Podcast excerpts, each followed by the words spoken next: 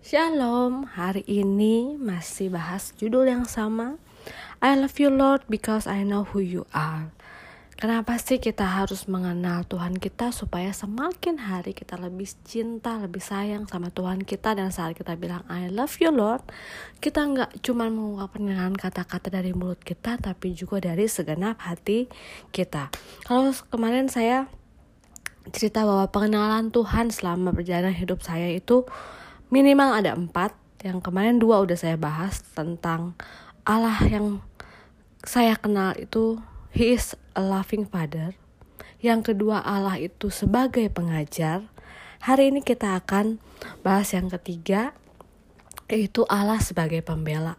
Dalam perjalanan hidup saya, saya mengerti betul bahwa saat sesuatu yang terjadi yang tidak mengenakan, orang bisa bilang uh, yang tidak benar, orang memfitnah, orang mereka rekakan yang jahat. Saya tahu benar bahwa saya nggak perlu eh, nggak uh, perlu bela diri, nggak perlu membalas karena Allah saya adalah Allah yang membela, Allah yang uh, selalu melindungi, Allah yang selalu uh, memberikan yang terbaik buat anak-anaknya. Sama seperti cerita-cerita di dalam Alkitab, kita lihat Daniel Daniel itu nggak salah. Dia hanya ingin memuji Tuhannya saja. Dia nggak mau menyembah patung. Alhasil, dia dimasukin ke dalam gua singa. Apa yang terjadi dalam gua singa? Kita melihat pembelaan Allah terhadap Daniel. Orang-orang yang tadinya mencaci maki dia, yang merasa bahwa, oh yes, kita berhasil bunuh Daniel. Dia pasti akan dimakan singa. Justru Tuhan memperlihatkan yang sebaliknya. Tuhan memperlihatkan tangannya yang ajaib menolong Daniel sehingga dia uh, boleh menyatakan kebesaran Tuhan sampai-sampai semua orang boleh melihat bahwa oh Allahnya Daniel adalah Allah yang berkuasa.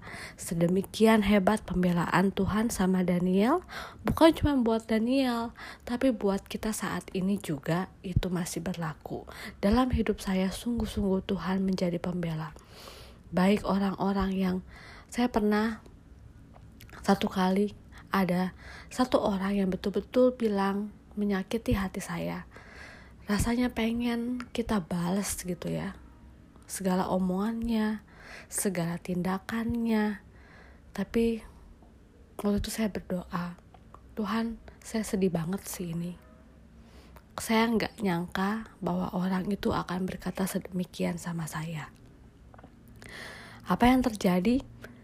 Kita juga nggak boleh kita berdoa Tuhan bales ya, Tuhan bales ya, enggak. Kita hanya bisa berdoa, tolong berikan kepada saya hati yang bisa mengampuni karena dalam Alkitab dibilang, kalau seseorang menampar pipi kiri, kasih pipi kanannya. Ya sama, kalau orang e, membuat sesuatu yang jahat sama kita, kita nggak boleh balas. Bahkan dibilang kita harus mendoakan orang yang berbuat jahat sama kita. Wih dahsyat ya firman Tuhan, ajarannya kasih. Saat orang berbuat jahat, kita harus mengampuni bahkan mendoakannya.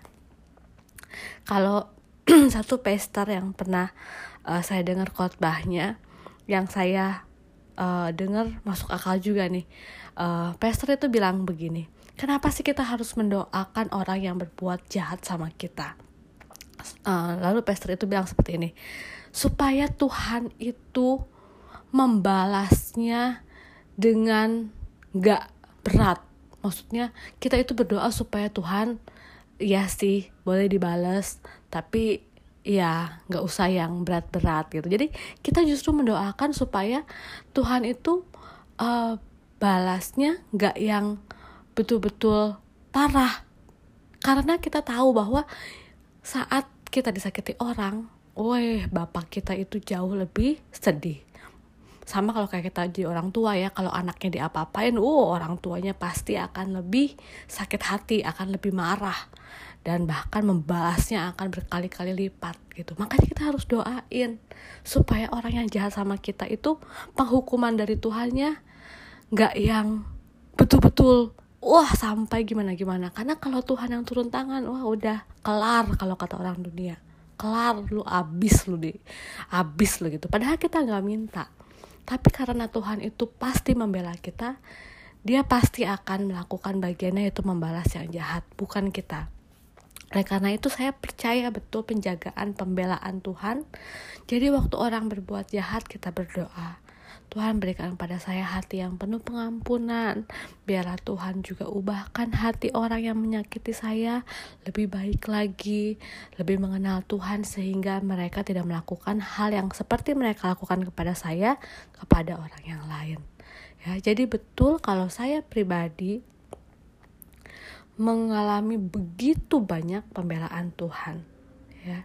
Jadi waktu kita disakiti, waktu orang jahat sama kita, jangan membalas.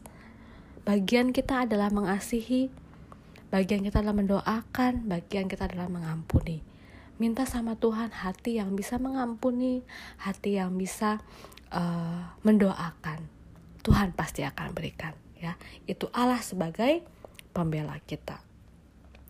Satu lagi kalau sebagai pembela itu yang dahsyat banget itu adalah Sadrah Mesa Abednego ya luar biasa loh.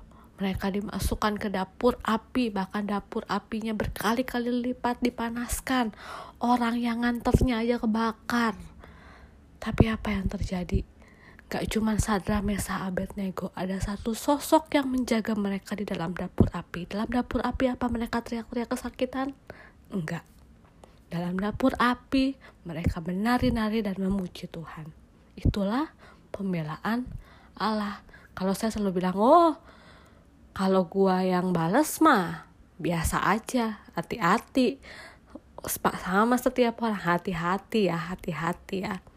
Saya sih cuman mau berdoa mengampuni, but you should back to the right way sebelum Tuhan itu bertindak yang lebih dahsyat ya. Jadi buat orang-orang yang uh, berbuat jahat sama kita just doain aja supaya mereka kembali.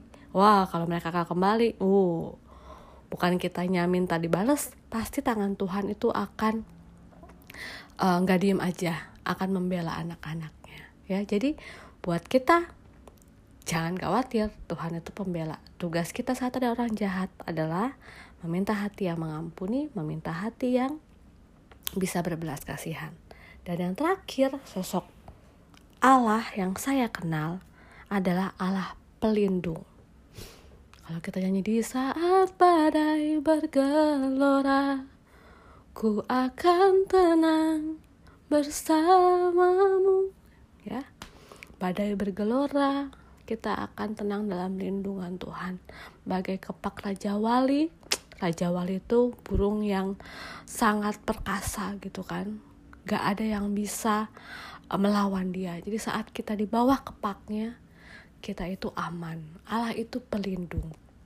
Kenapa saya bisa bilang Allah saya itu pelindung? Karena dia selalu melindungi saya dari orang-orang yang berbuat jahat. Ya.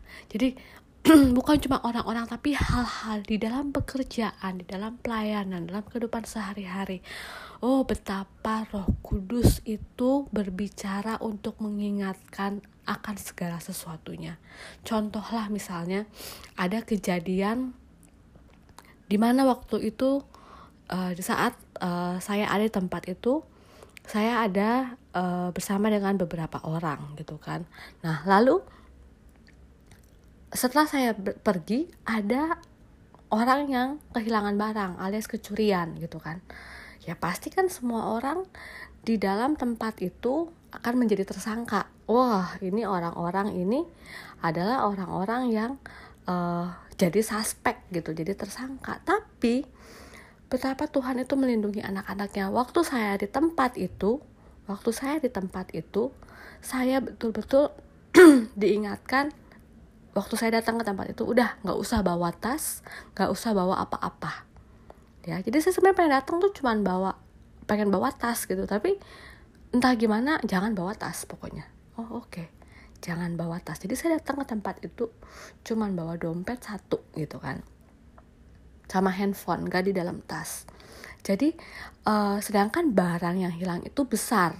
Gak mungkin diangkut tanpa dimasukin ke dalam tas secara otomatis saya akan tercoreng dari daftar tersangka. Kenapa? Orang saya keluar juga nggak bawa apa-apa, cuma bawa handphone sama bawa dompet, semua orang lihat gitu. Ya, nah jadi kebayang kalau waktu itu saya bawa tas dan tas saya tuh besar gitu kan. Wow udah pasti nih ngapain orang bawa bawa tas besar gitu kan. Udah pasti nih dia yang ngambil bisa jadi. Tapi itu hal kecil aja gitu. Betapa Tuhan tuh melindungi kita dengan cara memperingatkan kita dengan cara uh, berbisik sama kita. Eh udah stop jangan kayak begitu. Kadang kita juga bingung kenapa ya? Kok rasanya saya diingetin seperti ini? Lakuin aja karena itu salah satu cara Tuhan untuk melindungi kita ya. Jadi banyak hal oh banyak hal sekali dalam kehidupan apalagi waktu dalam pekerjaan gitu ya. Ada banyak yang ini kalau biasa kan di kerjaan cari-cari siapa sih ini yang salah? gitu. Entah gimana aja pokoknya ada aja. Satu satu kejadian yang saya ingat waktu itu saya dituduh menjiplak menjiplak uh, karya orang gitu kan ya tapi entah gimana, waktu saya membuat proposal tersebut, saya email ke bos saya. Padahal saya waktu itu juga nggak lagi cari muka, cuma saya pengen aja kirim email gitu ke atasan saya, ini proposal yang pernah saya draft. Jadi waktu saya dituduh menjiplak, uh, saya bilang, saya udah pernah bikin duluan dan itu ada tanggalnya dan itu saya kirim ke email. Coba uh, Bu cek email dari saya tanggal sekian sekian sekian. Ibu lihat ada?